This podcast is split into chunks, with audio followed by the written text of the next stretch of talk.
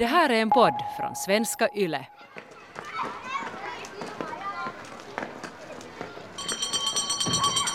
Det var en klasskamrat i skolan i, i någon av läroverkets lägre klasser som, som sa till mig en dag att din morsa har skjutit en kar.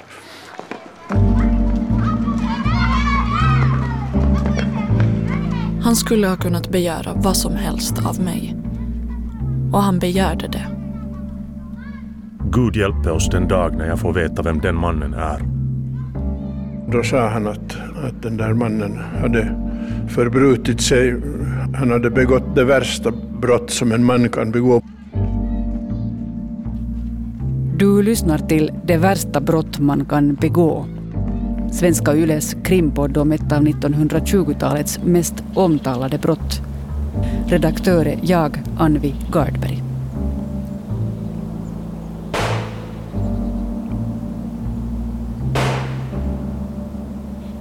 I januari 1927 avfyrade Margit Niininen två skott i Åbo. Hon var då 21 år gammal och studerade vid Åbo Akademi. Det var bibliotekarien Allan Törnud som hade skaffat pistolen. Klaus Törnud är son till Margit och Allan. Margit var en duktig student i Åbo Akademi. Jag ser mig själv som en hämmad, disharmonisk och blyg ung flicka som visserligen kunde spela översittare i kamratkretsen och till och med uppträda övermodigt mot vissa lärare ibland, men som på det hela taget var ytterligt osäker på sig själv. Och i sällskap med auktoriteter tyst, tillbakadragen och fullständigt ur stånd att hävda sig på något sätt. Margit heter egentligen Helene Margareta.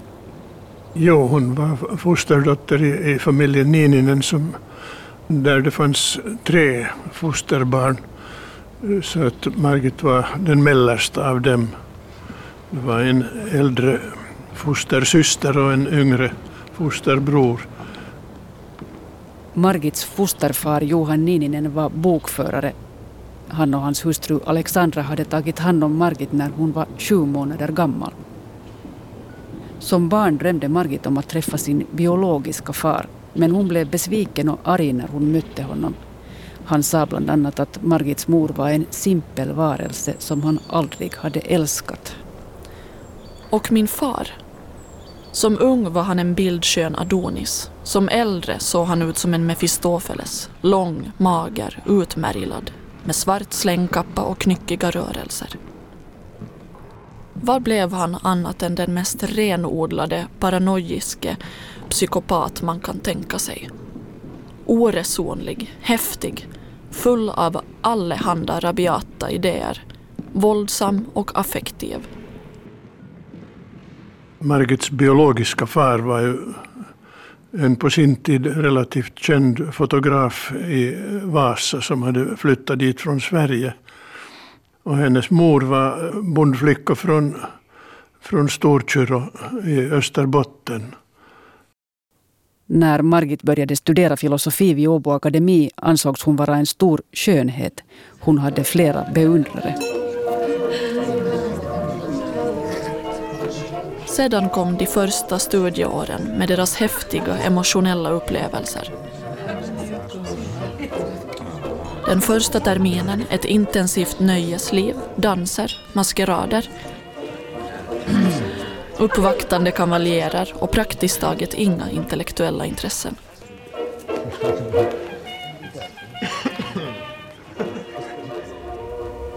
Sedan den häftiga reaktionen med fullständig inkapsling depression och kontaktlöshet.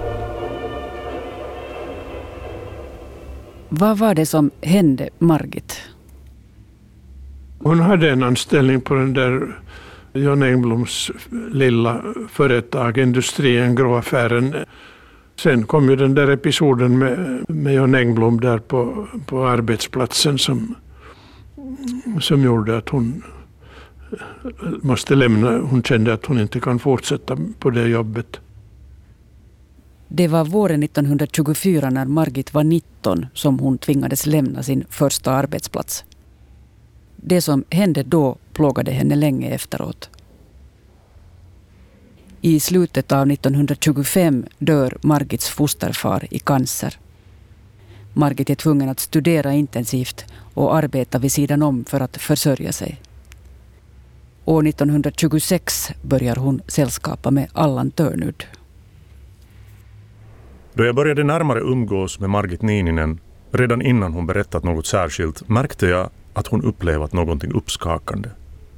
Hon kom att i något sammanhang nämna att det finns människor som är utan all ansvarskänsla, utan heder och utan samvete. Margit Niininen hade lärt känna Allan Törnud när hon gick på hans föreläsningar i filosofi. När de börjar sällskapa är Margit 21. Allan Törnud är 15 år äldre, 36 år gammal. Han var bibliotekarie och hade fått utbildning i Amerika till, för bibliotekarieyrket. Och han föreläste i filosofi vid akademin. Han var en människa som, som Margit då såg upp till och som vars sällskap då betydde mycket för henne. Hon tydligen mötte inte bland sina jämnåriga studiekamrater sådana personer som, som intellektuellt eh, tilltalade henne, utan, utan hon fick mera ut av umgänget med Allan och det, det fördjupades ju sen undan för undan.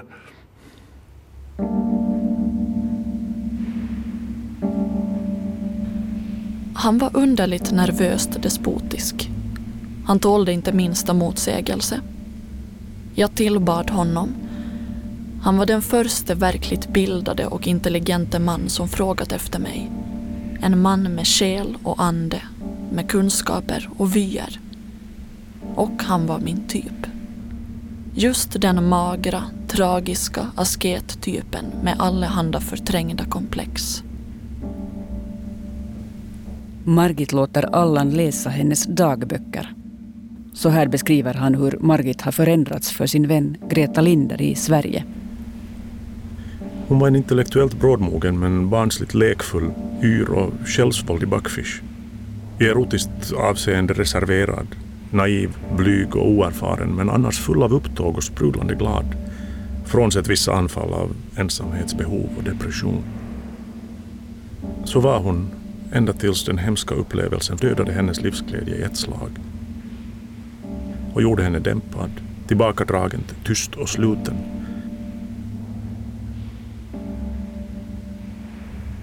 I sällskap med auktoriteter var jag tyst, tillbakadragen, en flicka lätt att locka och övertala, lätt att entusiasmera, lätt att imponera på och bringa till underkastelse. Mitt förhållande till Allan innebar en så fullständig underkastelse att jag numera inte kan låta bli att känna häpnad över mig själv. Han skulle ha kunnat begära vad som helst av mig. Och han begärde det.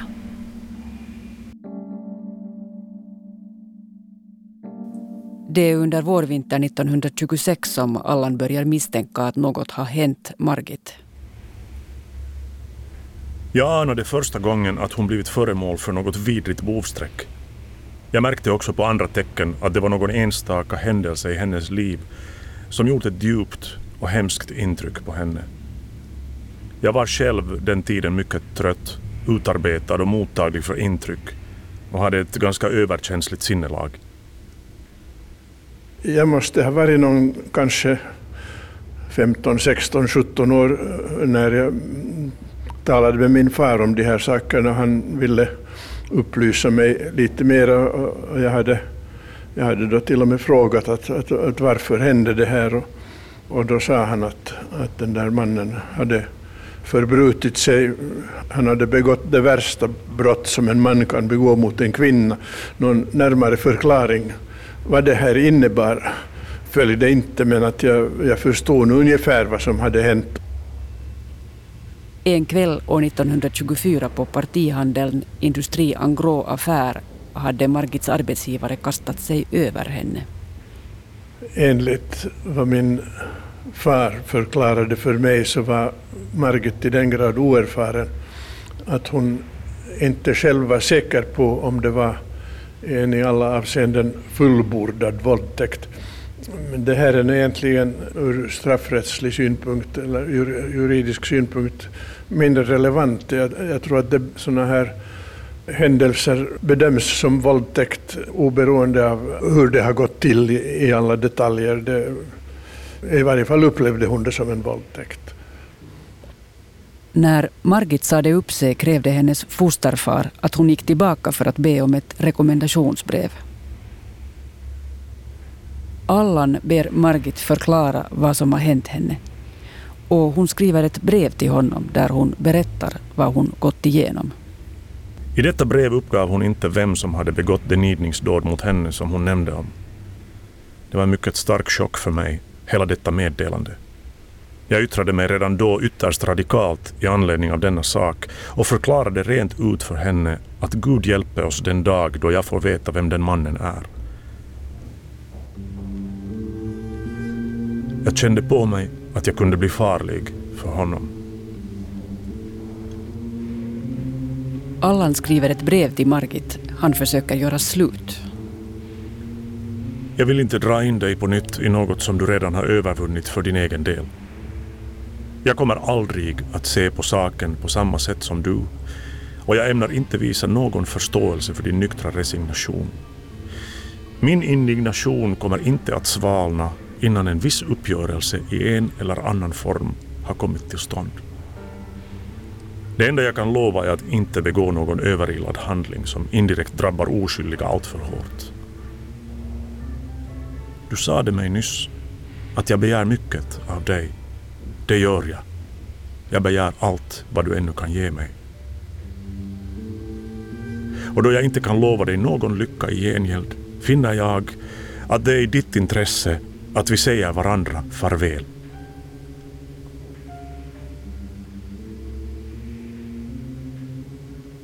Det blir inget slut. Margit och Allan fortsätter att sällskapa. Jag vill särskilt framhålla att hon å sin sida gjorde allt för att anklaga sig själv.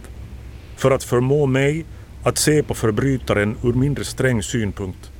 Att överhuvud försona mig med faktum och döma så objektivt som möjligt ända tills jag anklagade henne för att hon skyddade honom.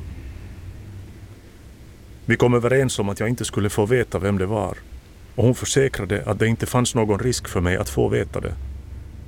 Jag kände på mig själv att det var bäst så.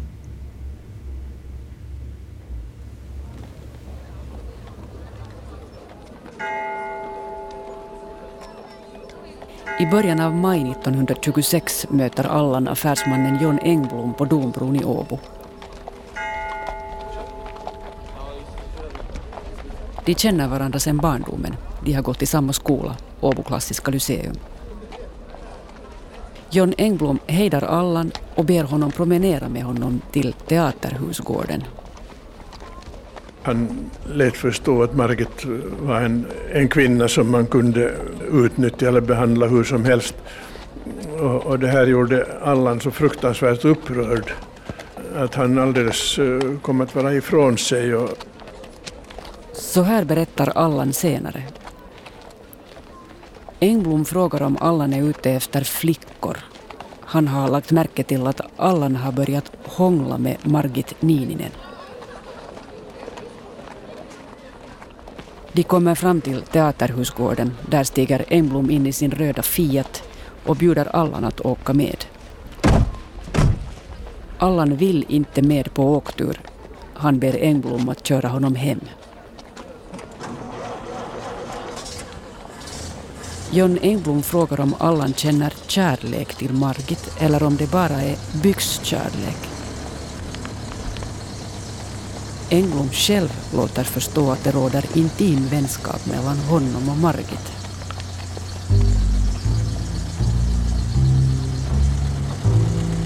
Jag blev till den grad tveksam över hela detta sätt på vilket han trängde sig på mig och var angelägen om att dra fram Margit Niininen i smutsiga sammanhang. Jag blev fullkomligt desorienterad till en början, blev helt enkelt stum av häpnad. Jag visste då ännu ej säkert och ville i det längsta inte tro att denna person var identisk med den person Margit Niininen talade om. Det var troligen i avsikt att vinna visshet i saken jag följde med honom på en åktur i bilen. Jag hade flera gånger på tungan en direkt fråga om det verkligen var just han som Margit Niininen talat om, men kunde inte förmå mig att uttala det. Jag kunde ju tänka mig att han av samma orsak talade illa om henne. Men det föreföll mig oerhört. Att han först skulle utöva sådan brutalitet och sedan ytterligare, istället för att skämmas, försöka fullborda förstörelsen av hennes liv.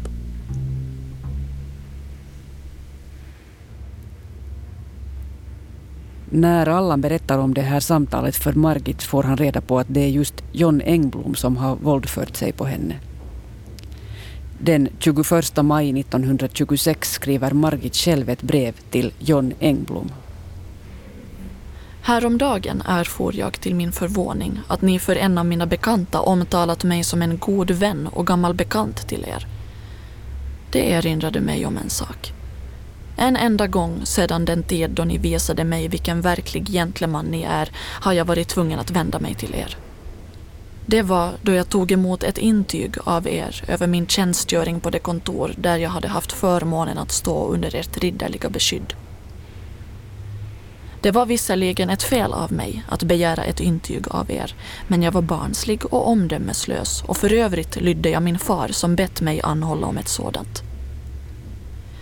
Ert oförsynta åberopande av er bekantskap med mig påminde mig nu härom. Jag har aldrig haft någon användning för ert intyg och här har ni det tillbaka.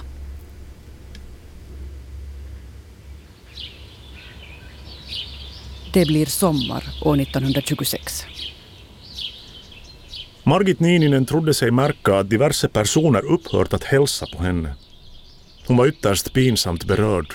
Hon hade förlorat mycket av det lugn och den tillförsikt hon visade på våren. Jag fick veta att Engblom inte endast för mig utan också för andra, åtminstone en person, spritt ut skamlösheter om Margit Niininen. Det var då magister Erik Holmberg meddelade mig ett av herr Wehmanenfelt yttrande om Margit Niininen, vilket uppenbarligen härrörde från Engbloms mun. Då fanns för mig all anledning att anta att han sagt samma sak åt hur många personer som helst. Kanske var detta ett misstag, men det låg nära till hands för mig att tro detta. Jag gick inte i någon permanent praktisk dödsfiendeskap med Engblom då. Det fanns ögonblick då jag misströstade att komma ifrån saken annat än genom en blodig uppgörelse. Men det var långa tider då jag betraktade en dylik uppgörelse som absurd. I juni köper Allan Törnud ett vapen. En pistol med kalibern 6,35 millimeter.